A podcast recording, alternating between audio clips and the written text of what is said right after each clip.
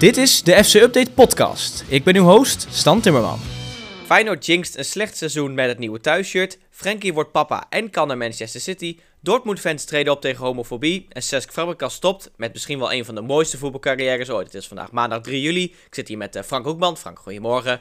Goedemorgen Stan. Fijn uh, dat je er weer bij bent. Het was een uh, redelijk rustig weekend. wat, wat, heb jij allemaal zoal gedaan dit weekend? Nou ja, ik had het graag met jou willen hebben over het nieuws waar iedereen het over heeft afgelopen weekend. Maar we hebben geen idee waar iedereen het over had, want Twitter lag eruit. Dus het was een heel lekker rustig weekend uh, wat mij betreft. Is misschien toch wel een doodsteek voor voetbal-Twitter natuurlijk. Hè? Ik, ik zag het inderdaad voorbij komen, Elon Musk en zijn rare fratsen. Uh, ja, Twitter is voor ons als FC Update natuurlijk ook wel een belangrijk uh, platform. Ja, nu moeten we dan gaan betalen voor de vinkjes. dat is waar, waar, waar we eigenlijk nu heen gaan. Nou ja, en er, komt een limiet aan het aantal tweets dat je op een dag ziet en dergelijke. En nou ja, goed, er, er ging van alles mis. Hij heeft natuurlijk de halve technische staf daar uh, eruit gegooid uh, nadat hij uh, daar binnen is gekomen. Om even in voetbaltermen te blijven. te blijven, inderdaad. Ehm, maar ja, hij had de boel niet, niet voor elkaar. En ja, dat, dat was even een aanpassing in de manier waarop we het nieuws tot ons kregen. Dus uh, ja, dat was even zoeken. Ik zag al verschillende uh, nieuws-twitteraars die uitweken naar Instagram om toch hun uh, publiek te kunnen blijven bedienen, zoals Rick Elfrink bijvoorbeeld. Um, ja, er, er, moet, er moet toch wat gebeuren. Nee, dus ik heb, um, ik heb voor het weekend, ik heb zondag lekker, lekker gewerkt. En ja, er kwam nog wel wat informatie door gelukkig. Dus er is weer genoeg te bespreken vandaag volgens mij. Nou, wat, wat het natuurlijk nou ook is met Twitter, en dan, we gaan het er niet al te lang over hebben, want het is natuurlijk gewoon een voetbalpodcast. Um, dat het misschien wel iets meer kwaliteit gaat worden nu. Mensen moeten even iets meer nadenken over wat ze gaan twitteren. Ik weet nog niet meer precies hoeveel tweets ze mogen versturen en bekijken per dag. Maar nou ja, dan moeten ze er voor mij toch wel iets meer over nadenken over uh, wat ze de wereld inslingeren. En dat is nogal wat gal en viezigheid uh, deze tijden. Zeker. Um, wij zelf gelukkig niet. Tenminste, wij proberen natuurlijk vooral het kwaliteitsnieuws te brengen. Al dus wij van WC Eend. Juist, wij van WC Eend uh, adviseren uh, volg FC Update op Twitter, want uh, je krijgt een hoop mee. Nee, uh, we gaan het zien hoe het werkt. Ik, uh, ik hoop in ieder geval dat uh, de problemen snel ten einde zijn. Um, en dat, dat we weer gewoon op die manier de, het nieuws tot ons kunnen nemen. Want het is wel belangrijk dat we geïnformeerd kunnen blijven. Maar als ik nu kijk in, in Twitter, dan, dan pakt hij toch een aantal zaken nog steeds niet die, die wij wel gebruiken. Dus uh, ik hoop dat we daar snel vanaf zijn. Nou ja, goed. Weet je, laten we overgaan naar uh, de belangrijke zaken uh, in het leven. Feyenoord heeft een nieuw thuisshirt gepresenteerd. Heel veel gemixte reacties, maar wel gewoon lange rijen bij de fanshop. Het is het eerste shirt van Castoren die het, het, het, stokje overneemt van Adidas. Alleen er zit één best wel vervelend detail op. Er staat bovenop de rug prijsvrij. Los van dat er een sponsor aan de bovenkant van de rug staat, is ook de, ja, de keuze van de sponsor misschien niet helemaal uh, slim, als je erover nadenkt. Nee, het, het, het straalt natuurlijk niet heel veel, uh, heel, veel, uh, heel veel uit wat dat betreft. Het komt daar letterlijk een beetje goedkoop over. en dus ik snap dat de fans daar behoorlijk op aanslaan. Um, aan de andere kant, ja, je ziet vooral de voorkant, hoop ik dan maar. Dus als je in het stadion zit, dan heeft alleen degene achter je de zicht op. Uh, dus ik, ik, vermoed dat ze hem toch wel weer massaal gaan kopen. En ik dat sowieso, zeggen... want wat ik al zei, er stonden ook al flinke rijen bij de fanshop uh, toen mm -hmm. die uitkwam. Dus dat, dat zal denk ik altijd blijven gaan. Want ja, ik ben ook wel iemand, ik koop ook altijd het shirtje, of ik hem nou lelijk vind of niet. Dat ja, Vaak gebeurt dat gewoon ook aan, desnoods aan het einde van het seizoen als hij in de aanbieding is. Maar ik koop hem maar toch jij, wel. jij zou ook een Ajax-shirt uh, kopen als daar prijsvrij achterop stond? Nou ja, ik heb hem wel dus van vorig jaar met, uh, wat stond er ook uh, van Ziggo, uh, Giganet stond erop. Ja, ik heb hem wel gehaald. Maar goed, ja, het is uh, met, met Luca erachterop. Dus dat hele shirt is compleet verpest. Uh, maar goed, genoeg uh, over mij. Um, dat, ja, maar prijsvrij, dat, dat zei ik dus ook een beetje in de intro. Jinxed Feyenoord hierbij niet gewoon een slecht seizoen als zij het prijsvrij erop zetten? Nee hoor, die, nog, die spelers zien het niet. dus ik, ik, denk dat je het meer jinxt als je je halve selectie verkoopt. Uh, en hoewel, dat hebben ze natuurlijk, is natuurlijk precies wat ze afgelopen seizoen uh, gedaan hebben in de, in de zomer. En uh, daarna draaien ze eigenlijk nog veel beter seizoen dan het jaar daarvoor. Dus um, nee, volgens mij doet Feyenoord de juiste dingen. En wat je qua sponsor op de rug zet, dat, dat gaat volgens mij niet heel veel verschil maken uiteindelijk in de, in de sportieve resultaten. Nee, maar goed, je weet nu in ieder geval met als, als Feyenoord geen prijzen pakt volgend jaar, dan weet je in ieder geval dat daar een hele hoop grapjes mee gemaakt gaan worden. Um, wat je zei ja, we staan klaar om ze in te koppen uiteraard. Ja, nee, 100%. Ze staan ook al klaar bij de vormgeving bij FC Update. Nee, gekkigheid. We gaan, uh, we gaan zien wat het, uh, of het ook daadwerkelijk een jinx uh, zal zijn. Maar wat jij zei inderdaad, een belangrijker ding is het nou, bij elkaar houden van de selectie. Of in ieder geval de kwaliteit behouden in de selectie. Marcus mm Pedersen, het kan best zijn dat hij volgend jaar niet meer... Of nou, volgend jaar, we zijn eigenlijk al begonnen met een nieuwe seizoen. Maar dat hij niet meer bij Feyenoord speelt. Want hij staat in de belangstelling van Wolfsburg. dat is gebracht door het redelijk goed ingelichte 1908.nl. Um, mm over een prijs wordt nog niks uh, genoemd, maar onze vrienden van voetbaltransfers noemen uh, eh, 11,2 miljoen uh, aan transferwaarde. Zou Wolfsburg een mooie club zijn voor Pedersen? Ja, voor mij een beetje een retorische vraag, maar... Ja, dat zou het kunnen zijn. Ik, ik weet eerlijk gezegd niet uit mijn hoofd wie ze daar nu op rechtsback hebben rondlopen. maar er wordt natuurlijk ook vanuit de Bundesliga aan uh, Gitruida getrokken. dus je, je loopt het risico als Feyenoord ehm, dat beide vertrekken. Uh, want nou ja, uh, Leipzig schijnt ook vrij uh, serieus in de markt te zijn voor, voor Gitruida.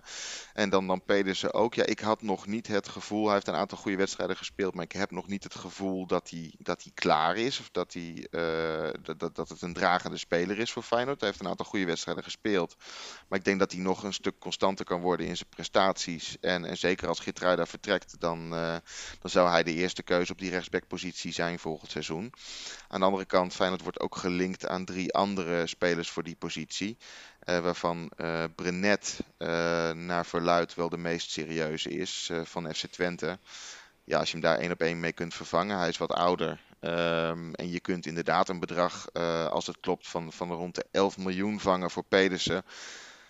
Ja, dan zie ik ze dat wel doen. Dan word je daar per saldo niet, niet zwakker van, uh, denk ik. Al is Brenet, wat ik zeg, uh, wat ouder en heeft hij daardoor wat minder doorverkoopwaarde. Maar dat is wel een jongen waarmee je de Champions League in kunt. Uh, aan de andere kant, ehm, Brenet wordt ook genoemd bij Fulham. Dat, die, die schijnt eh, op de beruchte pole position te liggen als het om zijn handtekening gaat. En, de beruchte pole position. ja, daar hebben we hem weer. Um, ja, dat, dat zou natuurlijk ook een mooie stap voor die jongen zijn. En die kunnen waarschijnlijk qua salaris net wat meer dan, uh, dan wat Feyenoord uh, kan en wil bieden. Um, ja, nou, hij heeft een, uh, een clausule waardoor hij relatief goedkoop op te pikken is bij Twente. Um, ja, ik denk om terug te komen op je vraag. voor Pedersen, als Feyenoord 11 miljoen voor hem kan vangen, dan zou ik het doen. Want ik denk niet dat je dat zo makkelijk weer verdient. En voor de speler zelf, ja, ik zie hem, uh, ik zie hem ook wel belangrijk worden bij Feyenoord. Of Geertruiden nou blijft of niet. Uh, dus uh, ja, dat is een afweging die hij zelf zal moeten maken. Het hangt ook een beetje van het sportieve plaatje af wat Wolfsburg kan bieden. we hebben natuurlijk Tjerni al die kant op zien vertrekken om toch weer terug te komen bij Twente. Ehm, ja, die ploeg is achtste geworden afgelopen seizoen in de Bundesliga. Spelen geen Europees voetbal komend seizoen. Dus ik kan me ook voorstellen dat Pedersen zegt ik ga liever voor mijn kans in Rotterdam en uh, ik ga in de Champions League spelen. En dan zien we dan wel wie er dan komen. Want dan, is er misschien een club, uh, als, ik, als ik het goed doe, uh, die van een nog hogere categorie die, die op een dag voor mij komt. Dus die, die afweging zou ik ook zeker begrijpen in zijn geval. Ja, dat klopt inderdaad. Het, uh, als je kijkt naar de opstelling die ze dus normaal gesproken spelen bij, uh, bij Wolfsburg, kom je toch uit op een soort 3-5-2 met Baku. Ja, dat is eigenlijk een rechtsmidden, dat is niet per se een echte, echte verdediger. Dus ja, het is mhm. dan ook maar de vraag waar Pedersen past in dat plaatje. En ze spelen überhaupt geen Europees voetbal. Dus ja, misschien dat Pedersen qua voetballend wel een beetje op achteruit gaat. Maar ja, als ze tegen hem zeggen van je mag iets meer opstomen aan de rechterkant. En ja, in de Bundesliga speel je mezelf toch misschien iets meer in de kijker dan in, uh, bij wijze van spreken, zes uh, groepswedstrijden met Feyenoord. Waarvan je, uh, nou ja, misschien vier puntjes pakt, bij wijze van spreken. Nou ja, um, Feyenoord zit gelukkig in die, in die begeerde pot 1 als, ja. als kampioen. Doordat Manchester City die, die Champions League dit jaar gewonnen heeft en kampioen is geworden. Dat betekent wel dat je, um, ja, die, ik heb laatst al even naar de potindeling gekeken. Je kan nog steeds een hele zware groep treffen, maar je kan ook teams treffen waarvan je denkt, nou die zijn niet van een groter kaliber dan de, de elftallen waar Feyenoord de afgelopen twee jaar uh, in de Conference League en daarna de Europa League mee heeft afgerekend. Um, dus daar liggen zeker kansen. Uh, maar goed, dat, dat, hangt dus helemaal van die loting af. Maar um, ja, Feyenoord heeft laten zien, Arne Slot heeft laten zien dat hij een elftal kan formeren dat, uh, dat Europees competitief is uh, tegen, tegen clubs die uh, ja, in het verleden misschien wel de Nederlandse clubs, waaronder ook Feyenoord, de voet dwars hebben gezeten. Dus ik moet het nog maar zien of het bij zes wedstrijdjes blijft. Als de loting gunstig is, ik wil het wel zien. 100%. En laten we hopen dat ze er, nou, ik weet niet precies hoeveel wedstrijden ze spelen als ze tot de finale komen. Maar goed, laten we het stiekem hopen. Maar goed, pot 1 is geen garantie op succes. Dat hebben we natuurlijk met Ajax gezien afgelopen jaar. Maar goed, hij heeft Feyenoord 2 miljoen gekost in 2021. Dus als je hem twee jaar later verkoopt voor, nou ja, stel dat het zou 11 miljoen zijn, zijn waarde op voetbaltransfers. Dan maak je denk ik toch een mooi, mooi stukje, stukje zaken. En we gaan zien wat hij gaat doen. Um, dan even naar de aardsrivaal Ajax. Ik zag een, eh, een clipje van uh, het Wiegers Maduro op het trainingsveld bij Ajax. Ik moet zeggen, het is wel een, leuk beeld. Maduro uh, daar als, als assistent-trainer. Maar ja, dan hoor je hem dingen zeggen als... Juist de been inspelen, het moet van jullie komen, vraag de bal. Het gaat niet bij jouw training precies hetzelfde, Frank? Uh, nou, ik, uh, ik ben gestopt met trainen omdat uh, de, de kans dat ik het nu nog ga leren vrij klein wordt geacht. dus mijn trainingen vinden vooral plaats bij de fysio. nee, dat zijn inderdaad pupillenaanwijzingen die je hem hoort geven. Maar blijkbaar is het nodig. Ehm, ja, om daar, ik zag dat de fans daar behoorlijk over vielen op Twitter. We hadden er zondag ook een mooi stukje over mee ja, dat zouden de basics van het voetbal moeten zijn. En uh, ja, als je, als je bij Ajax zit, dan uh, op het juiste been en op de juiste snelheid inspelen, dat moet een basisvaardigheid zijn. Zeker een, uh, een club die zichzelf er een beetje op voor staat, het verzorgde, het betere voetbal te spelen. Ja, maar goed, uh, Maduro was, uh, was inderdaad daarmee bezig. Uh, ja, laten we ervan uitgaan dat tegen de tijd dat de competitie begint, dat ze daar een bal van A naar B kunnen spelen. En ik, nou ja, zoals ik een van de bomen afgelopen seizoen heb zien spelen, ga ik er wel vanuit dat dat, dat, dat tot de mogelijkheden behoort. Die kan echt wel een bal naar de juiste kleur met het juiste been spelen. Maar ja, waar ik vooral aan denk, ja, die voetballers die weten echt wel hoe het spelletje werkt zijn vaak trainingen niet gewoon überhaupt een beetje eh, van die dooddoeners? Van, eh, nou ja, spelen op het juiste been en eh, noem allemaal dat soort dingen. Want ze snappen het hele spelletje toch al. Ze begrijpen toch wel hoe het helemaal werkt. Dan lijkt het mij mhm. toch dat zulke clipjes vaak een beetje ongemakkelijk zullen zijn. Want ja, als jij een uh, Tadic gaat vertellen dat hij uh, Brobby op zijn rechterbeen moet inspelen... of dat Brobby zich sterk moet maken, ja, dat weet hij toch zelf ook wel, denk ik dan. Mhm. ja, ik weet niet precies waar dit vandaan kwam. Dat is ook een beetje het nadeel met openbare trainingen. Dan ga je allemaal dit soort, uh, dit soort Geen context ook, maar... Geen context verder, inderdaad. Uh, nee, ik mag ervan uitgaan dat, uh, dat Stijn en Maduro gaan werken de komende tijd aan het inslijpen van wat automatisme. En het op elkaar ingespeeld raken van, van de selectie die er staat. En er gaan natuurlijk nog wel enige mutaties plaatsvinden naar verwachting. Uh, maar tot nu toe twee, uh, twee aankopen die, uh, die gedaan zijn van de bomen die ik benoem. En die, die Tahirovic die van, van AS Roma overkomt. Ja, daar zal toch wel weer een elftal moeten komen te staan. En ik ben heel benieuwd ja, hoe, hoe Stijn het voetbal van Ajax vorm gaat geven. Want ja, zoals hij zelf ook al wel aangaf. Hij heeft in zijn carrière niet veel gewerkt bij clubs die, die 90% van de wedstrijden, zeker in eigen land, de bovenliggende partij zijn en het spel moeten maken. Um, maar ik, ik, denk wel dat, uh, dat hij het kan. Uh, hij is met VVV ook uh, volgens mij gepromoveerd naar de Eredivisie. En dat ja, was wel een jaar dat ze dominant waren. En, en, toen heeft hij het ook hartstikke goed gedaan. Heeft hij ook de, de award gewonnen voor beste trainer van de, van de KKD dat jaar. Dus um, ja, dat, dat trainingsveld en, en, straks ook de oefenwedstrijden die gaan komen, die zullen, daar, gaan toch, uh, uh, daar gaan we toch zien hoe hij uh, zijn dominante, dominante spel gaat ontwikkelen met Ajax. Want dat is waar ze uiteindelijk weer naartoe moeten, denk ik. Met zo'n mooi klokje om de pols op het trainingsveld. ja, weet je, ik krijg er wel gelijk, want we waren aan het begin heel erg kritisch. En dat moeten we eigenlijk ook altijd blijven natuurlijk. Alleen nu, ik begin er toch wel, en dat is dan vooral uit het, het Ajax-fan oogpunt begin ik er toch wel iets meer vertrouwen in te krijgen in hoe die daar staat en hoe die doet. Ik weet het niet. Het is toch wel ook met, met de aankopen die er komen. Het lijkt toch allemaal redelijk uh, de goede kant op te gaan. Um, ik, ben, uh, ik, die... moet, ik, ik zal daar even op ingaan, want ik ben natuurlijk redelijk neutraal als het over Ajax gaat. En ik denk, nee, uh, ik denk dat zeker de, de persoon Stijn daar past. En het voetbaltrainerschap is lang niet alleen maar meer de tactiek waar je voor staat of wat dan ook. Het is vooral ook het aansturen van een heel groot team met, met een hele staf eromheen. en daarbij ook je people management. Eh, je hebt daar straks een selectie van, eh, van tegen de 30 man. Um, ja, dan, gaan er, er kunnen er elke week 11 op het, op het formulier staan. Dus er staat een meerderheid, zit op de bank of zelfs de tribune. Uh, ja, hoe hou je iedereen tevreden? Hoe hou je um, alles rond de club tevreden? En ik denk dat Stijn wel een persoonlijkheid is die, die dat aan kan. Hoewel alles, dat, dat gaf hij zelf ook al wel aan, hè? Alles bij Ajax onder een tien keer zo groot vergrootglas ligt als, als bij andere clubs waar hij in het verleden gewerkt heeft. Maar hij komt rustig, realistisch en, en zelfverzekerd over. En ik geloof dat, dat hij dat wel aan kan. Dus ik, ik, ik ben ook wel redelijk positief gestemd over zijn, over zijn komst en de, manier waarop hij het gaat doen daar. Ik denk dat we een mooi uh, seizoen tegemoet gaan met uh, nou ja, Feyenoord natuurlijk met uh, good old Arne Slot. Peter Bos bij PSV en Maurice Stijn bij Ajax. Dan denk ik toch wel dat we een, een mooie, weer aan elkaar gewaagde top 3 gaan krijgen. Daar komend seizoen als ik er alvast even een vroege voorspellingen in mag gooien. Um, Wie de dupe kan gaan worden van de, de nieuwe aankopen van Ajax. Ajax heeft natuurlijk twee nieuwe middenvelders. Davy Klaassen. Mike Verwij zei in de podcast van de Telegraaf dat hij wellicht weg zou gaan. Die gaat toch iets meer nadenken over over zijn toekomst. Hij is uh, nou, nog maar 30 geworden dit jaar. Dus ja, als je nog wat wil, dan zul je misschien nu wel uh, ja, of naar het buitenland moeten gaan. Of echt je plek moeten pakken in het eerste elftal van Ajax. Zie je hem nog een buitenlands avontuur maken? Of denk je dat hij zijn plek moet uh, terugknokken in het eerste elftal van Ajax? Hoe, hoe zie jij de rol van Davy Klaassen voor komend seizoen voor je? Dat hangt ja helemaal een beetje af van de, de, de positie waar hij zich op gaat richten. Want er zijn natuurlijk al twee middenvelders gehaald. Ehm, nou, de meest verdedigende positie is niet voor hem, denk ik. Daar, uh, daar stond afgelopen seizoen Alvarez en daar zal uh, Tahirovic uh, terechtkomen. Maar het wordt, het wordt dringen op het middenveld daar. En ik kan me voorstellen dat hij op een gegeven moment denkt: ja, ik, ik ga toch nog één keer die stap maken. Al is zijn vorige buitenlandse avontuur natuurlijk geen succes geworden bij Everton, waar hij binnenkwam. Uh, aan de andere kant, ik, sprak, uh, ik was laatst toevallig in Bremen en ik sprak daar nog even met een uh, lokale supporter. En die begon te stralen toen het over Davy Klaassen ging. Daar heeft hij een, een fantastische indruk achtergelaten. De kilometers die hij die, die, die, die aflegde waren ongekend, zei ze.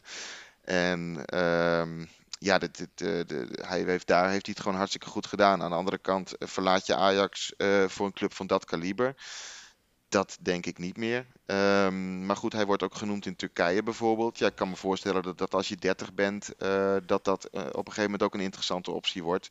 Omdat het uh, bedrag wat je daar bruto krijgt vrijwel gelijk is aan wat je netto verdient daar. Ze betalen daar zoveel belasting. zo weinig belasting die clubs over het loon dat, dat ze aan die spelers geven. Dat, je, dat, dat ook typisch een competitie is waar, waar veel spelers na hun dertigste toch wel terecht gaan komen. Dus ja, als hij aanvoelt komen dat, uh, dat het lastig wordt om elke week uh, verzekerd te zijn van een basisplek, dan zou ik me kunnen voorstellen dat hij uh, voor een mooi bedrag op de loonlijst gaat staan bij een Besiktas, inderdaad. aan de andere kant, hij heeft laatst ook nog weer uit de doeken gedaan hoe hij bijna met tranen in de ogen zijn trainer bij Werder Bremen heeft moeten overtuigen om, om terug te keren. Ik wil naar huis, ik wil naar huis. Ja, ga je dat weggeven? Om in een competitie, laten we eerlijk zijn, uh, waar sportief niet uh, de grootste uitdaging ligt uh, te spelen. Dus dat is een afweging die hij moet gaan maken. hij zal ook met een schuin oog naar het Nederlands elftal kijken, denk ik. Hij was toch afgelopen jaren regelmatig toch wel belangrijk voor het Nederlands elftal. En ehm, ja, ik zie hem ook wel blijven, eerlijk gezegd. En uh, mits er maar perspectief is op, uh, op speeltijd. En uh, ja, met zijn kwaliteiten moet hij die, moet hij die hebben. Dus we gaan het volgen. Maar ik, ik, kan me, ik, kan me, ik denk dat het een 50-50 is. Ik kan me voorstellen als hij gaat. Maar ik kan me ook voorstellen als hij zegt: nee, ik ga hier voor mijn kans. En ik ga laten zien dat ik, het hier, dat ik hier thuis hoor. Het is van Mike Verwijn natuurlijk ook geen gerucht van, oh, iemand heeft belangstelling gevat en ook. Het is puur eigenlijk gewoon een optelsom van, Klaassen was sowieso dit seizoen, uh, nou ja, redelijk vaak was hij gewoon invallen. Was hij wel vaak belangrijk vanaf het begin, maar maakte hij niet de volle 90 minuten, dat soort dingen. Um, en nu heb je natuurlijk twee nieuwe aanwinsten, dus dan is gewoon 1 en 1 is 2. En dan kun je gaan nadenken over de rol van, uh, van Klaassen volgend seizoen. Ik zit toch even na te denken van, ja, als hij naar het buitenland gaat. Ik zie in Davy Klaassen wel iemand die bijvoorbeeld een ja, dan is het qua niveau, maar bijvoorbeeld bij, bij, samen met Zian Fleming bij Millwall gaat ballen. Maar ja, dat niveau is voor hem nog te laag. Het is toch championship, ja, het is hoger dan we denken, maar tweede niveau Engeland nee, is voor hem nog een te laag niveau, maar dat zou wel mooi zijn. Eh, het zou ergens mooi zijn en Millwall is een prachtige club natuurlijk, maar... Uh, Om even een voorbeeld te noemen, uh, of Leeds of zo, weet ik veel. Ja, um, nee, ik, ik, zie hem eerlijk gezegd niet teruggaan naar Engeland. Uh, daar, uh, daar heeft hij toch ook een stempeltje, denk ik, omdat het, uh, dat hij bij Everton als aankoop van Koeman gewoon niet uit de verf kwam. Um, ja, in Duitsland kunnen ze hem zeker waarderen. wat ik zeg, Werder Bremen waar ze, liepen ze weg met hem. dus ja, een, een club, een club daar, net onder de top. Want ik verwacht niet dat een, een, een Bayern of een Dortmund voor hem op de tribune zit. Uh, maar een club daar net onder, uh, Kaliber Wolfsburg of, uh, of iets dergelijks, Eintracht Frankfurt, um, ja, die zouden hem kunnen gebruiken. Dus dat, dat, dat zie ik gebeuren. Um, daar heeft hij ook absoluut de longen voor. En, en ook het, het voetballend vermogen. dus dat, dat, dat, dat zou ik een logische keuze vinden.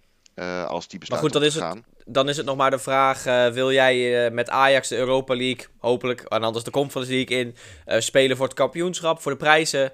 en dan misschien inderdaad niet altijd 90 minuten spelen. Ja, of wil je de grote man zijn bij bijvoorbeeld een Werder Bremen, dat hij daar terugkeert. Maar ja, dan speel je wel tegen degradatie in Duitsland. Dus het is ook maar de vraag, ja, wat, wat is precies je, je, je, je doel voor volgend jaar? En ja, inderdaad, wat hij zei van ik wil terugkeren bij Ajax. En dat hij inderdaad met tranen in zijn ogen dat vertelde. Al lijkt mij een uh, één seizoen dat hij eventjes wat minder speelt, uh, lijkt mij dat toch niet de doorslag dat hij dan toch nog weer weggaat. Nee, nou ja, goed. Zeker ook als, als Berghuis een beetje weer terugkeert aan die vleugel. In plaats van dat die op het middenveld terechtkomt. Want daar wordt het dan wel overvol als hij ook nog als, als kandidaat voor die positie uh, op het middenveld uh, geldt. Uh, zeker als Berghuis weer naar de vleugel gaat, dan kan ik me voorstellen dat, dat Klaassen blijft inderdaad. En nou ja, we, we, gaan zien wat zijn beslissing wordt. En het hangt ook helemaal vanaf wat er verder nog gaat vertrekken en wat er nog bij gaat komen. Want er wordt nu ook die, uh, die Spertsian wordt nu ook genoemd. dat schijnt volgens de Armeense bronnen aardig richting een afronding van een transfer te gaan. Ja, dat is ook weer een nummer 10. Um, ja, hoe, hoe, meer dringend het wordt, hoe groter de kans is dat er ook mensen gaan vertrekken natuurlijk. Dus dat, uh, dat heeft er ongetwijfeld Hangt er ook vanaf wat, wat Maurice Stijn vindt, uh, wat, wat, voor rol Maurice Stijn heeft voor Davy Klaas. Want als hij zegt, ja, jij bent gewoon elke wedstrijd, kom jij erin uh, na 55 minuten. Ja, dan kan ik het wel begrijpen dat hij eventueel blijft. Maar ja, als Maurice Stijn zegt, ja, ja, ja, we hebben allemaal nieuwe jongens, ik, ik weet het niet, ik weet het niet. Maar goed, dat is inderdaad allemaal speculeren. En uh, nogmaals, wat jij zei, uh, we gaan zien wat hij uh, gaat doen. Dan gaan we even over naar een, naar een oud Ajax-ziet. Frenkie de Jong, hij wordt papa voor het eerst. We zijn natuurlijk mm -hmm. niet de FC Update Boulevard podcast. Dus laten we maar gewoon gelijk overgaan naar wat echt belangrijk is. Guardiola wil Frenkie... Frenkie overigens. Ja, nee, tuurlijk, 100%. Mooie video ook, waarin hij de zwangerschap van zijn vrouw, vriendin... Oeh, dit had ik moeten weten. Is het zijn vrouw of zijn vriendin? Mickey. Eh vriendin, zeg ik. Wederhelft, zijn eh, wederhelft. zijn, zijn, partner, ja, zeker. zijn partner. Uh, inderdaad, uh, van harte gefeliciteerd, maar laten we gelijk overgaan naar wat, wat echt belangrijk is in het leven. Guardiola wil Frankie naar City halen. Er was deze zomer al een bod van 100 miljoen afgeslagen, dat zou van United komen. Wat zou City denk je moeten betalen om Frankie los te weken bij zijn FC Barcelona? Ja, nou, die, die, die 100 miljoen die heeft uh, Laporta er inderdaad in een interview uh, gedropt. Uh, hij zei er niet bij dat het deze zomer was, overigens. dus het had ook vorig jaar zomer kunnen zijn. Toen werd Frenkie natuurlijk ook al gelinkt aan Manchester United. dus ja, ik heb zelf het artikeltje geschreven waarin zowel die van het afgeslagen bod van 100 miljoen als het artikel van de interesse van City. Um, dus eh, ja, die, die, die, afgeslagen 100 miljoen, ik denk dat we dat met een korrel zout moeten nemen. Ik, ik, denk niet dat United afgelopen seizoen dat, dat bedrag heeft neergelegd. Uh, of heeft willen neerleggen voor, voor Frenkie. Um, en uh, ja, Barcelona was op dat moment bezig hem de deur uit te pesten. Uh, die, die zaten met zijn salaris in de maag. Uh, dus ja, Laporta die draait het voor de bühne zo dat hij dat die kosten wat kost Frenkie wilde behouden. Nou ja, als er komende zomer iemand met 100 miljoen op de stoep staat, dan verwacht ik dat Barcelona weer geneigd is om mee te werken. Aangezien ja, het geld daar nog altijd niet tegen de plinten klotst in Camp Nou. Of nou ja, het Olympisch Stadion waar ze komend seizoen spelen. Want Camp Nou gaat, gaat stevig verbouwd worden.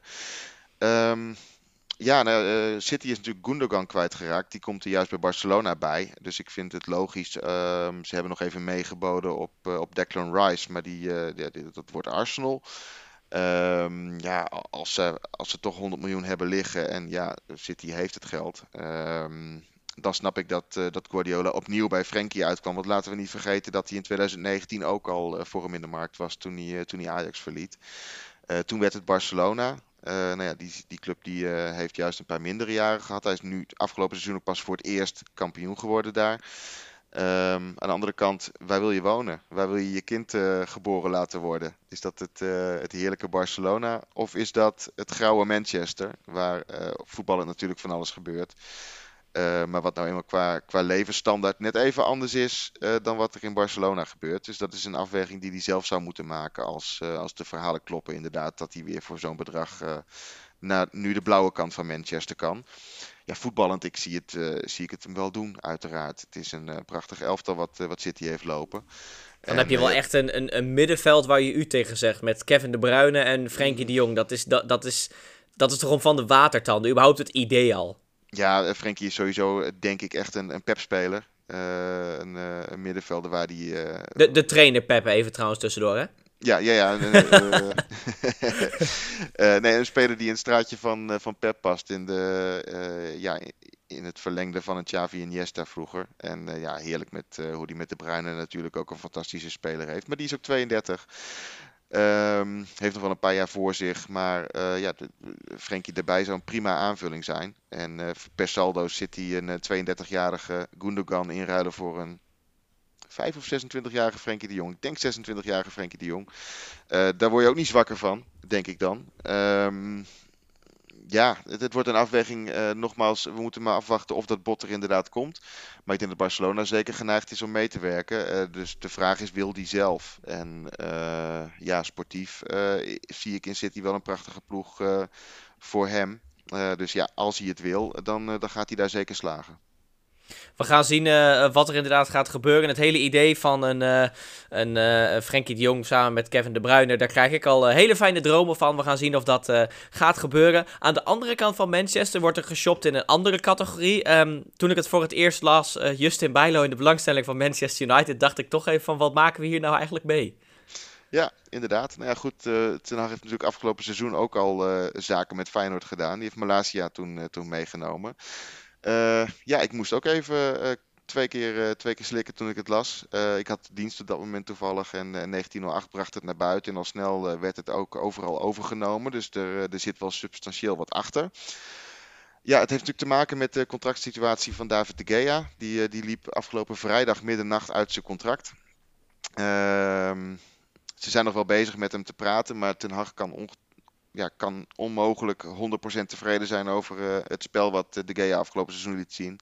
Zeker ook gezien het feit dat hij uh, ja, met zijn voeten nou eenmaal niet zo goed is als de, de keeper die hij het liefst in zijn elftal heeft staan. Um, dus ja, het verhaal was een beetje dat op het moment dat De Gea niet blijft, dat dan twee keepers gehaald moeten worden. En dat het, dat, dat zijn dan Onana en Bijlo.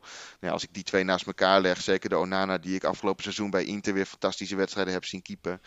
Uh, dan zou Bijlo toch echt als, als tweede man gehaald worden. Uh, want... En dan is het de vraag, wil je met jouw club Feyenoord uh, de Champions League in? Of wil je op de bank zitten bij United? Dan ga je ook de Champions League in. Dan heb je misschien iets meer ja, kijken op een, op een iets verder... dat je iets verder kan komen in de Champions League. Maar dan nog steeds ja, vanaf de bank of, in het of op het veld in de Kuip. Ja, Mm -hmm. Ik zou het wel weten. Zelfs ik Zeker. als Ajax ziet zou wel bij Zeker. Feyenoord blijven. Maar het maakt misschien niet heel veel uit wat wij vinden, gelukkig.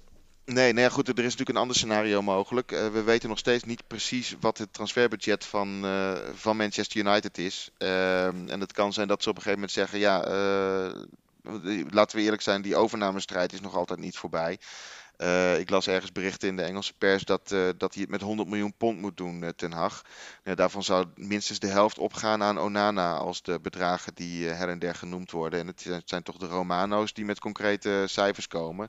Die hebben het over 50 à 55 miljoen euro voor Onana. Ja, dat, dat, dat is dan een enorme hap uit het vermeende budget. Dus ik kan me ook voorstellen dat ze zeggen: we halen één keeper en we houden de Gea binnenboord. Uh, en ja, als je dan in de categorie uh, rond de 20 miljoen, wat genoemd wordt voor Bijlo, uh, terechtkomt, dan is Bijlo op papier natuurlijk een hele goeie. Um, hoewel die maar als je even kijkt naar de, naar de selectie van United, dan denk ik niet dat ze op heel veel andere posities nou gek veel bijgespijkerd moeten worden. Het is op zich redelijk gebalanceerd. Op elke positie staat wel iemand die een beetje kan ballen. Ja, er moet een na de komen. Er moet een spits komen. Ja, nou ja, goed, als je Rashford uh, daar wil neerzetten en je wil, ja, of een, of een spits inderdaad uh, erbij halen. Maar goed, een, uh, een spits en een doelman denk ik, want bijvoorbeeld in het centrum zijn Martinez en Varane weer terug mm -hmm. na de zomer. Casemiro, Eriksen, Fernandes op het middenveld. volgens mij heb je daar genoeg jongens staan. Dus ja, waarom niet gewoon een keer investeren in een goede keeper die dan ook de komende vijf tot tien jaar bij jou onder de lat staat. Want mensen vergeten misschien soms hoe belangrijk een goede keeper is. Nou ja, De Gea heeft dit seizoen laten zien hoe belangrijk het is dat je een goede keeper onder de lat die heeft nog wel, wel hier en daar wat punten zijn. Het is ook een fantastische lijnkeeper. En hij heeft ook echt punten voor ze gepakt hoor. Ik kan me een wedstrijd tegen West Ham herinneren dat hij een bal uit de kruising pakt vlak voor tijd. Daar word je bang van. Er zijn weinig, uh, er zijn in die discipline als van het keepersvak echt het pure lijnkeeper, het shotstoppen. zijn er weinig beter in de wereld dan hij. Alleen, ja, er wordt ook met, met de bal aan de voet wat van je gevraagd. Zeker door de, de goalplayer hè, tegenwoordig. Mhm, juist, dus ik, ik snap dat, dat Ten Hag verder wil kijken. En zeker als het budget op een gegeven moment beperkt is, ook door Financial Fair Play, Ehm, ja, dat, dat dan de, de aanbieding die de Gea heeft gehad steeds, uh, steeds lager wordt. En nou ja, we hoorden ook alweer dat hij een alternatief in Saudi-Arabië heeft. Uh, ja, zeg het maar. Uh, ik, ik kan me voorstellen dat je bij Bijlo uitkomt. Die is in ieder geval comfortabel met de bal aan zijn voeten. En hij kan ook echt wel een bal pakken. Uh, hij kan ook een voorzet uh, in een volle 16 uit de lucht plukken. Dus op papier heeft hij alles wat een, een, keeper in de Premier League moet hebben om te slagen. Hij moet alleen heel blijven. En dat is natuurlijk altijd wel een puntje van zorg bij, bij Bijlo geweest de afgelopen jaren. maar mits dat gebeurt, um, zie ik hem nog wel slagen ook daar. aan de andere kant ja, als je 20 miljoen kunt uitgeven, je, je kunt ook uh, met een dergelijk bedrag een ervaren Premier League keeper halen waarvan je weet dat hij het niveau aan kan. En dan denk ik bijvoorbeeld aan een, een eerder genoemde Pickford van e- Everton, die, uh, die in ieder geval het klappen van de zweep kent in, uh, in die competitie. Dus ja, goed, dit zijn uh, voor nu alleen nog maar uh, geruchten. Inderdaad, uh, we gaan het zien. Dat is een terugkomend zinnetje wat we in de podcast zeggen. We gaan het zien. En dat, maar dat is ook zo. We gaan, we gaan zien wat er gaat gebeuren bij United omtrent de keepersituatie. Dan even naar de aardsrivaal. Liverpool, die hebben een middenvelder binnengehaald. Zoboslai voor 70 miljoen euro van, van Red Bull Leipzig. Toch wel, of RB Leipzig. Toch wel een, een mooie transfer, maar wel heel veel geld voor een middenvelder heel veel geld, maar hij is 22. Hij heeft uh, uh, goede jaren gehad uh, bij Leipzig en daarvoor Salzburg. Want hij komt uit die, die Red Bull stal.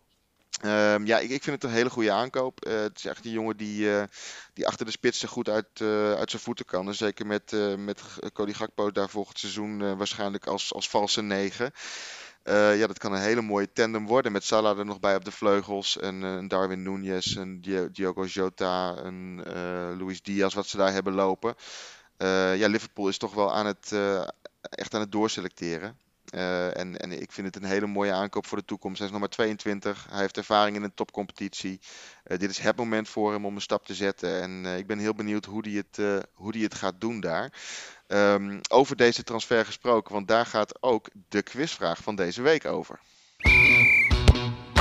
De quizvraag van Frank. Juist.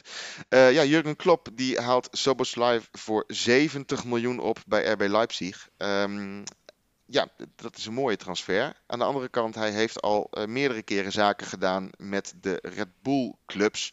En dat was niet altijd even succesvol. Uh, sinds hij in 2015 manager van Liverpool werd, heeft hij drie spelers opgehaald bij een club uit de Red Bull stal. En ik ben benieuwd hoeveel van die drie jij kunt noemen, Stan. Ja, Soboslai telt dan niet, hè? Nee, dat is de vierde. Uh, Keita? Keita, zeker. Mane? Mane komt van Southampton. Ja, oh ja, die, ja, maar die heeft natuurlijk bij uh, ja, oké okay, okay, gezeten. Okay. Maar we ja, maar recht, drie rechtstreekse transfers ja. met een uh, Red Bull club. Uh, Konate zit bij mij in mijn hoofd, kan dat kloppen? Konate, dat is twee. en dan de laatste, speelt hij er nu nog of is hij alweer weg? Nee, hij is verkocht. Hij is verkocht, oké. Okay. Uh, uh, Eén hint? Li de linie, noem de linie maar. middenveld, aanvallende middenvelder. Een aanvallende middenvelder. Inmiddels, of buitenspelen meer of meer. inmiddels speelt hij in Frankrijk. Oh, van Liverpool naar Frankrijk. Ja. Ik denk dat ik je die schuldig uh, moet blijven. Ik kan nog wel om een hint vragen, maar dan kun je het eigenlijk net zo goed vertellen. het is het Takumi Minamino. Japaner. Ach, ja. ja, dat is een ojaatje, maar dan had je nog heel lang over door kunnen gaan. Die had ik uh, niet geraden. Maar goed, twee van de drie vind ik op zich nog redelijk prima, toch? Ja, maar en Keita, dat is natuurlijk een, uh, een, hele dure geweest. Die hebben ze echt hebben ze meer dan 50 miljoen voor betaald destijds om hem van Leipzig te halen. Was nog een hele soap, herinner ik me.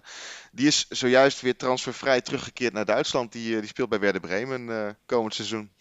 Ja, we gaan, uh, ik, ja, ik wil zeggen we gaan zien, maar we gaan uh, gewoon kijken hoe hij het daar gaat doen. En uh, nou, twee van de drie nogmaals, dikke prima. We blijven ja, even in Duitsland. Keurig. Nou, fijn, fijn, fijn. Die steek ik uh, in mijn broekzak. Fijn om de maandag daarmee uh, te beginnen. Felix Nemetja, die kreeg uh, de voorkeur als zomeraankoop boven Edson Alvarez naar Dortmund. Alleen die lijkt er toch, ja, of lijkt er niet te gaan komen. Daar is nou toch wel wat ruis uh, ontstaan. Uh, hij is redelijk uitgesproken over van alles en nog wat. Uh, onder andere homofoob gedrag in een recent verleden wat hij heeft geuit. Hij heeft in februari bijvoorbeeld een video van rechtsextremist Matt, Matt Welsh uit de VS gedeeld... waarin hij de vader van een transgender kind belachelijk maakt... Hij heeft in, in juni in de Pride maand een video gedeeld waarin het woordje Pride gelijk staat aan duivel. Ja, ik Kijk, iedereen uh, zijn mening en iedereen uh, mag vinden wat hij wil. Alleen dit gaat toch wel heel ver. En ik snap best dat daar een, een supporterschare wel wat van vindt, zeg maar. Absoluut. Ja, nee, uh, spelers die, die kunnen heel makkelijk uh, via social media hun, uh, hun publiek bereiken en hun mening geven over zaken. En, en in heel veel gevallen is dat hartstikke mooi. En krijg je daardoor de situatie dat ze ja, gewoon meer, meer van zichzelf kunnen laten zien aan de fans zonder dat er allerlei media tussen zitten. Dus en dat is, is op zich alleen maar goed. Hè? In de basis is dat een super, super iets dat, dat spelers contact zoeken met supporters. Ja, de keerzijde is inderdaad dat als ze er dergelijke denkbeelden op nahouden, uh, dat dat ineens ook uh, vol in de spotlight komt te staan. En ik kan me het als uh, Dortmund supporters, wat toch ook wel bekend staat als een inclusieve linkse, linkse club wat dat betreft, um, zoals wel meer supporterscharen in Duitsland natuurlijk. Um, ja, ik kan me voorstellen dat die er niet op zitten te wachten dat een jongen met zulke in hun ogen controversiële standpunten uh, het shirt van de club komt, uh, komt verdedigen. Maar goed, ja, uh, geen Alvarez daar, dus er zal wel wat bij moeten op het middenveld. Maar ik ben heel benieuwd of de, de leiding van, van Dortmund deze, deze geluiden meeneemt in de afweging om die jongen die voetballend volgens mij prima mee moet komen daar, is ook international. Um, dus daar, daar ligt het niet aan. Maar ja, uh, inderdaad, als je zulke dingen buiten het veld uh, uh, doet, dan word je daarmee ongewild toch weer een, een controversieel figuur. Dus ik ben heel benieuwd of de leiding van Dortmund zulke, zulke zaken die ook spelen onder de fans meeneemt in de afweging. Ga je een speler wel of niet halen? Nou ja, wat mij dan nu gelijk te binnen schiet als als die fans nou niks hadden gezegd, want de club die weet daar gewoon van, die hebben gewoon onderzoek gedaan naar zo'n speler, die weten wat hij doet, wat hij heeft gedaan, dan lijkt het mij toch dat zij ook wel op de hoogte zijn van wat hij allemaal deelt op sociale media. Mhm. Dan zou het raar zijn dat zeg maar, uh, uh, als de supporters zich daar tegenkeren, dat ze daar dan wel wat mee doen. Maar als ze het gewoon zien van, oh, hij heeft dit en dit gedeeld. Ah, weet je, maakt niet uit. Dat, dat, zou ik een beetje raar vinden. Want het moet eigenlijk vanuit de club zelf komen. Dat als zij zulke dingen zien, dat ze denken van, dit gaan we niet doen. En dat het niet uiteindelijk afhangt van de fans. Want dan is het zo van, oh, zij hebben gezien wat hij heeft gedaan. Dus dan moeten we het maar doen. En moeten we de zieltjes van de fans uh, terug gaan winnen, zeg maar. Ja, ja, aan de andere kant, hij heeft natuurlijk op dit moment ook al een club, hè, een Wolfsburg. En daar heeft hij gewoon, uh, uh, is hij gewoon voor blijven spelen afgelopen seizoen. Um, die club heeft ook supporters en die zitten daar misschien ook niet op te wachten. Aan de andere kant, um, er zijn ook genoeg fans die wat mij betreft ook terecht zeggen... Uh, joh, ik, ik ben fan van die club en ik wil dat er elf man uh, dat shirt aantrekken zaterdag of zondag. En dat die een zo goed mogelijk resultaat behalen. En als hij er drie inschiet, bij wijze van spreken, dan kan het mij niks schelen wat zijn politieke denkbeelden zijn. Dus dat is de andere kant van de medaille. Um, we hebben het er natuurlijk ook al wel eens over gehad uh, in, andere opzichten. Um, het zijn voetballers en geen politici. En uh, ze moeten afgerekend worden op hoe ze spelen. Uh, zolang ze geen wet overtreden, hebben ze het recht op hun mening. En daar kun je van alles van vinden. maar het zijn in eerste instantie voetballers. En dat is weer de andere kant van de medaille. Dus ja, als hij sportief in het plaatje past en de prijs is goed, um, dan is er ook veel voor te zeggen om hem wel te halen. Aan de andere kant, ja, je, je moet ook bang zijn wat, voor, voor, wat je fans aan backlash gaan veroorzaken. Nou, plus, en daar hadden we, had ik het gisteren toevallig ook nog even over, heel ander voorbeeld hoor, maar een United zit met Greenwood in de maag. Die jongen, ja, het is, staat vrijwel vast dat hij zijn vriendin daadwerkelijk mishandeld heeft. zeker in de publieke opinie. Maar ze zijn weer bij elkaar en ze heeft haar, haar verklaring ingetrokken. Ze wil niet meer getuigen tegen hem. Hij wordt niet vervolgd. Maar op het moment dat ze hem opstellen bij United, dan zijn ze doodsbang dat er een enorme backlash komt vanuit de supporters die, eh, die geen vrouwenmishandelaar willen. En, en dat vinden ze nog tien keer zo erg uh, vanuit de sponsoren die uh, daar niet mee geassocieerd willen worden. En dat is natuurlijk ook een risico wat, wat Dortmund in kaart moet brengen. Uh, halen we deze jongen binnen met zijn, nou, zijn controversiële standpunten. Um, en zijn er sponsoren die zeggen: ja, wij, wij, zijn, wij willen ons juist met reg regenboogvlaggetjes ook als pro-LGBT. Inclusief bedrijf. Ja. Als inclusief presenteren. Ja, dat is niet te verenigen met een jongen met zulke standpunten. Ja, als ze die signalen ook krijgen, en dat zou ik ook zeker wel even polsen als, uh, als een Dortmund zijnde, uh, ja, dan kan dat een afweging zijn om te zeggen, ja, we, we zien er vanaf en we laten hem bij die is.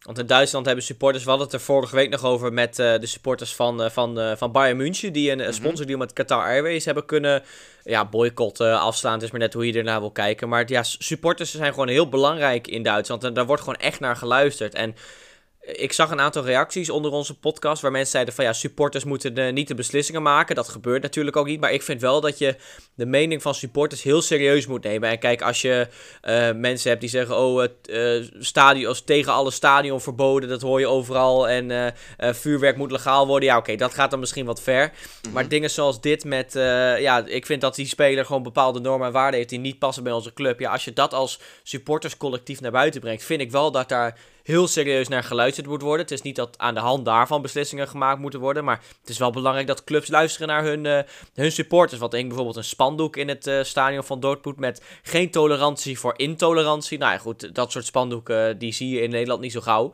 Maar in Duitsland zijn ze daar ook wat meer uitgesproken over. Dus ja, ik ben benieuwd wat Dortmund gaat doen met, met dit, ja, statement is het niet echt, maar met de backlash van de supporters. Juist.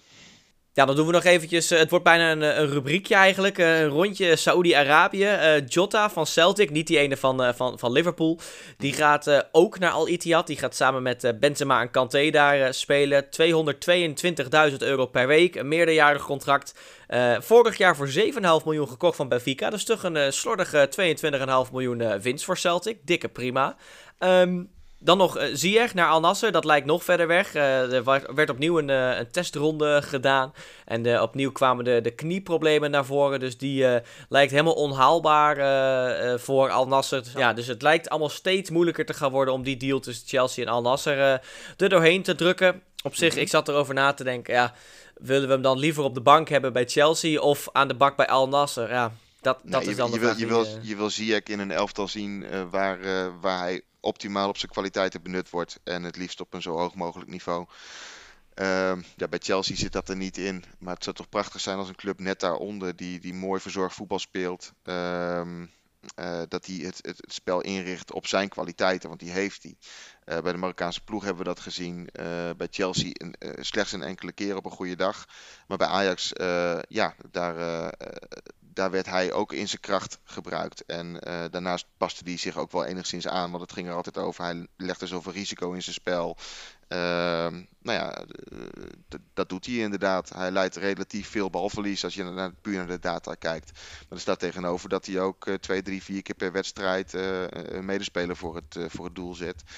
Um, en bovendien, hij maakte bij Ajax ook gigantisch veel meters op dat middenveld. En droeg, ook, droeg ook bij balverlies een steentje bij ja, die, jongen zou, het zou toch fantastisch zijn als hij uh, als stylist bij een, bij een Spurs of iets dergelijks terechtkomt. Ja, ik weet wel dat hij zichzelf als top 6 club afficheren, maar kijk even naar de prijzenkast. Dan mag je toch wel concluderen net daaronder. Maar als zo'n club het, het spel daarop in wil richten uh, en, en de wapens van Ziyech wil gebruiken, ja, dan zie ik dat honderdduizend keer liever dan dat hij... ja, hij is 29 of 30 inmiddels. Dat is een goede vraag. Dat, ik, weet je wat, ik ga het gewoon heel even intikken. Ziyech is 30, uh, 30 geworden nou ja. dit jaar. Um, ik denk dat hij, uh, dat hij wel degelijk op, op Premier League niveau beslissend kan zijn. Zoals hij dat, uh, zoals hij dat bij Ajax in die, uh, in die goede jaren ook was. dus ik zie hem 100% zie ik hem liever dat doen. Aan de andere kant, we moeten ook realistisch zijn. de, de 30 miljoen per jaar die daar genoemd wordt in Saudi-Arabië. Ben je gek als je het niet doet, hè? Dan, ja, dat, daar, daar kun je toch geen nee tegen zeggen. Het is wel um, grappig. We komen elke keer weer terug op dezelfde standpunten. Van ja, het is mm -hmm. jammer. Ja, hij kan op een hoger niveau spelen. Maar geef hem eens ongelijk. Dat is eigenlijk waar we de hele tijd uh, op terugkomen. Er gaan ook trainers die kant op. Jorge Jesus, die keert terug bij Al Hilal. Hij was daar vijf jaar geleden uh, ook trainer. Nu gaat hij daar uh, opnieuw heen. Hij maakt de overstappen van Fenerbahce. Ja, dat zijn eigenlijk de, de, de dingen die naar buiten zijn gekomen over Saudi-Arabië dit weekend. Ik denk dat nou, we vrijdag weer... Een, speelde natuurlijk ook nog, hè? Dat klopt, maar goed, dat is nog niet helemaal in kannen en kruiken. En dat was Nou, ook nog weer op losse eh, schroeven. tussen, tussen Inter en Al Nasser. Die eh, Ja. clubs waren rond, de speler was rond en vervolgens eh, besluiten ze eh, om het bod eh, te verlagen. En is er een probleem. Dus ik ben ook heel benieuwd hoe, eh, hoe dat gaat. Ehm, want Brozovic wordt natuurlijk ook weer, eh, werd natuurlijk ook weer genoemd bij Barcelona. Dus ehm, ja, dat, dat, dat, zou nog weer, eh, eh, die zouden nog weer om de hoek kunnen komen op het moment dat het definitief klapt eh, met Inter en Al Nasser. Dus dat, dat is nog wel eentje om in de gaten te houden de komende week. Daarom, we gaan, we gaan het in de gaten houden wie er nog meer die kant op gaat. Wie er in verband wordt gebracht met een overstap naar Saudi-Arabië. Dan hebben we vrijdag gewoon weer het rondje Saudi-Arabië als, als nieuwe onofficiële rubriek van de FC Update podcast. Als afsluiter, Cesc Fabregas die stopt ermee. Eh, heeft hij eh, de perfecte carrière gehad als je kijkt naar het eh, lijstje met de jeugd Barça, Arsenal. En dan in de senioren Arsenal, Barça, Chelsea, Monaco. En als afsluiter Como in, in Italië. Dit is volgens mij wel een van de perfecte carrières als je er zo naar kijkt volgens mij. Schitterende speler. Ik, ik had hem alleen. als, ik, als ik terugkijk, had ik als ik hem was die stap naar Barcelona terug niet gezet. Dat is niet geworden wat hij ervan van gehoopt had. Eh, en als je kijkt hoe, hoe heerlijk hij in zijn eh, jaren na zijn doorbraak bij Arsenal liep te ballen. Volgens mij als je Robin van Persie midden in de nacht wakker maakt, eh, dan begint hij nog steeds te stralen als je de naam Fabregas noemt. Eh, want die kon daar zo heerlijk mee voetballen. Ehm, ja, die, die werd gewoon twee, drie keer per wedstrijd ook voor het doel gezet eh, door een perfect afgewogen paasje. Ja, schitterende speler. Ehm, eh, hele mooie carrière gehad en je, je proeft ook de liefhebber. Hè? Hij eh, doorgegaan bij Como, Serie B. eh, maar wel zo lang mogelijk gespeeld en gaat daar nu zijn trainingscarrière opstarten. Ik ben heel benieuwd ja, wat, wat zijn, wat zijn profiel als trainer gaat worden. Want hij heeft natuurlijk jarenlang, hij is doorgebroken onder Wenger. Ja, dat is een schitterend, eh, schitterend voetballend Arsenal geweest altijd. Misschien niet eh, het meest succesvol maar, eh, qua prijzen, maar, maar wel vaak het mooiste voetbal van Engeland spelend. Ehm, en ja, hij komt uit de Barça school, heeft natuurlijk ook in de, nog in een aantal mooie jaren bij Barcelona rondgelopen. 48 wedstrijden onder, onder Pep gespeeld nog. en daarna dus ook nog Tito Villanova en Gerardo Martino, Tata Martino, die nu bij Inter Miami zit, meegemaakt. Ehm, dus hij heeft een hele hoop invloeden meegekregen. Eh, en aan de andere kant ook onder een Sarri eh, gespeeld nog een tijdje bij Chelsea. Ehm, ja, ik ben heel benieuwd eh, hoe hij het als trainer gaat doen. Ik hoop vooral dat hij, dat hij de tijd neemt om, om te genieten van, van het voetballer af zijn. En dat hij, dat hij rustig om zich heen gaat kijken en de, de ervaring op gaat doen die nodig is om eventueel op een hele mooie plek terecht te komen als trainer in de toekomst. Ja, ik moet zeggen, ik ben zelf gewoon echt een liefhebber van eh, spelers die op plekken als Como hun carrière afsluiten. Ik ben dan afgelopen zomer daar nog eh, geweest. Nou, dat is gewoon een soort paradijs, zo'n voetbalstadion aan het Como-meer. Of eh, bijvoorbeeld een De Guzman die op Kreta nog eh, ging voetballen. Allemaal dat soort dingen. Plekken waar je eigenlijk naar op vakantie gaat. Dat je daar gewoon gaat voetballen. Dat is denk ik eh, de droom van heel veel voetballers. Hij wordt nu inderdaad eh, trainer bij Kobo. Het is dan wel middenmoot Serie B. Maar goed, eh, volgens mij moeten we hem gewoon eh, lekker laten gaan. En eh, kan hij daar eh, prima genieten. En eh, eh, het begin van zijn trainerscarrière daar inluiden. Ehm, Dan stel ik toch wel voor dat we gaan afsluiten. Het was een eh, lekker lange podcast eh, Woensdag hebben we het seizoensoverzicht eh, van Manchester United. En eh, aanstaande vrijdag hebben we weer een eh, normale podcast. Geef ons even een leuke beoordeling op Spotify. Beantwoord de Q&A hier onder de podcast. Frank, dan wil ik jou bedanken weer voor vandaag. Jij bedankt Stan en tot vrijdag, want dan ben ik er weer. Kijk, tot vrijdag. Later.